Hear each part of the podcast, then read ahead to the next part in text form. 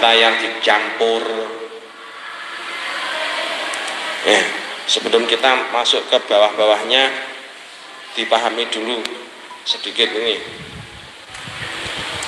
Ada di akad sirkah akad sirkah itu eh, rukunnya satu ada sigoh jelas ya. Saman, saman tulis kalau nggak hafal jadi rukunnya akad sirkah satu ada sigoh sigoh akad namanya sigoh akad kerjasama. Terus yang kedua ada syarikani. Ada syarikani dua orang yang bekerja sama. Yang ketiga yang ketiga ada ada roksul mal yang ketiga ada roksul mal modal roksul mal modal yang ini berupa uang jadi roksul mal atau modal yang berupa uang Nomor nomor empat ada objek pekerjaan. Jadi ada objek pekerjaan. Yang kelima ada bagi hasil. Yang kelima ada bagi hasil. Yang kelima ada bagi hasil. Itu rukunnya itu rukunnya akad syirkah di akad kerjasama akad kerjasama ada lima itu nah syarat-syaratnya jadi syarat-syarat terjadinya syirkah itu juga ada lima. Syarat-syarat terjadinya syirkah itu juga ada lima. Diperhatikan baik-baik. Fikih. Syarat-syarat kamu boleh mengadakan kerjasama dengan pihak lain itu ada lima.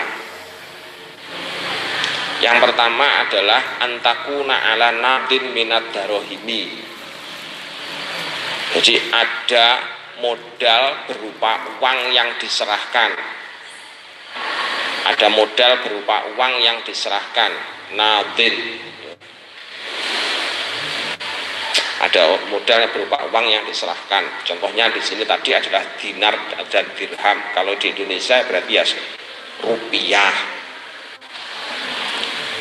Eh, nomor dua, nomor dua modalnya tersebut jenisnya sama. Modalnya tersebut jenisnya sama. Jenisnya sama. Jenisnya sama dalam bentuk satuan mata uang. Di nomor dua modal tersebut jenisnya sama dalam bentuk satuan mata uang.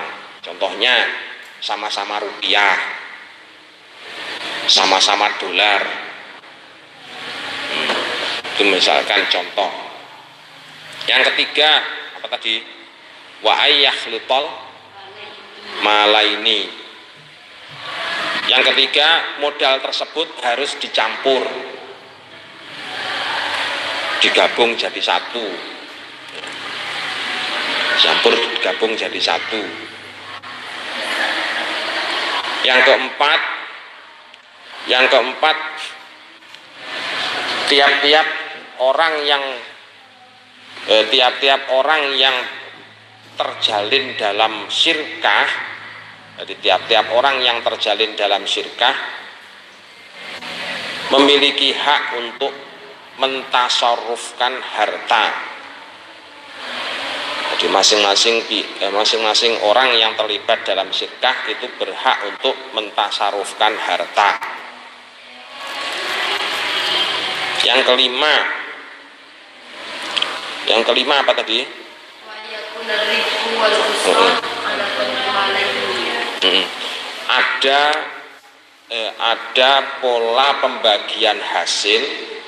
Jadi ada pola pembagian hasil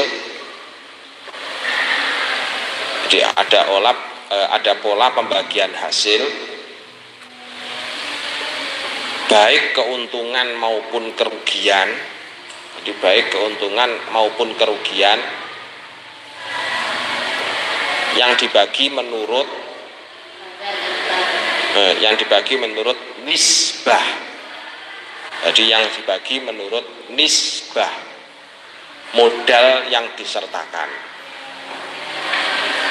Jadi yang dibagi menurut nisbah modal yang disertakan. Contoh misalkan iem sama inem.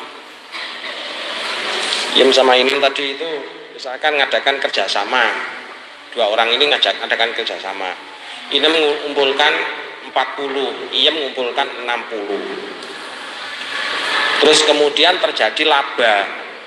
Labanya satu juta. Berapakah bagiannya iem? Yang iem mendapat Hmm. 600. 600, Kalau yang iem 400. 400. Itu namanya sesuai nisbah.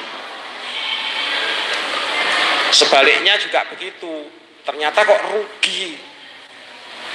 Ruginya itu rugi sebesar satu juta. Berapa yang ditanggung iem? Iem 600. Iya, ia menanggung 600. Terus kemudian Inem juga menanggung 400. Itu namanya bagi hasil. Jadi untung rugi ditanggung bersama. Jadi untung dan rugi itu ditanggung bersama. Kalau untung ya dibagi bersama sesuai dengan nisbah modal. Kalau rugi ya dibagi bersama sesuai dengan nisbah modal itu namanya akad sirkah yang berlaku dalam syariat dan ingat ini tadi yang namanya akad sirkah itu berlaku menyertakan modal berupa mata uang jadi ada modal yang disertakan berupa mata uang bagaimana kalau modalnya bukan mata uang tapi modalnya tenaga tidak masuk dalam hal ini tidak masuk akad sirkah tidak masuk akad sirkah dalam madhab Syafi'i. Nanti kamu akan menemukan untuk madhab yang lain. untuk madhab yang lain nanti akan menemukan namanya sirkah abedan nanti. Bismillahirrahmanirrahim. Juga ini beneran nih